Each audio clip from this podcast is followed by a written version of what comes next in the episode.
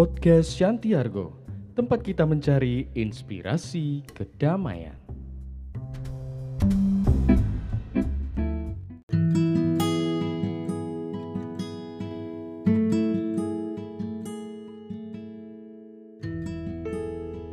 Di suatu masa pernah hidup seorang raja yang mengumumkan bahwa beliau akan memberi penghargaan kepada seniman yang dapat membuat lukisan terbaik yang menggambarkan perdamaian.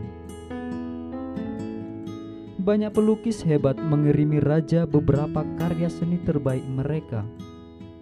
Salah satu gambar di antara berbagai karya utama adalah danau yang tenang yang mencerminkan pegunungan yang tertutup salju dengan sempurna. Yang terlihat adalah langit biru cerah dengan awan halus. Gambarnya sempurna.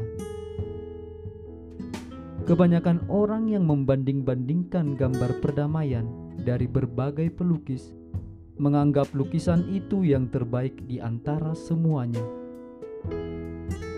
Tetapi ketika raja mengumumkan pemenangnya, semua orang terkejut. Gambar yang memenangkan hadiah itu juga memiliki pegunungan, tetapi lukisan itu kasar dan gundul. Langit terlihat sangat marah, ada petir. Lukisan itu sama sekali tidak menampakkan rasa damai. Sepertinya seniman itu keliru mengirimkan lukisannya ia mungkin keliru mengirimkan lukisan yang menggambarkan badai, bukan perdamaian.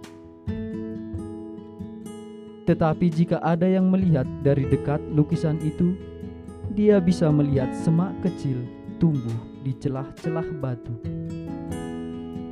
Di semak-semak, induk burung telah membangunnya sarangnya. Di tengah serbuan cuaca yang marah, burung itu duduk di sarangnya dengan damai. Kedamaian tidak berarti berada di tempat yang tidak ada kebisingan atau masalah. Damai artinya berada di tengah segala kekacauan dan tetap tenang di hati. Kedamaian sejati adalah kondisi pikiran, bukan lingkungan sekitar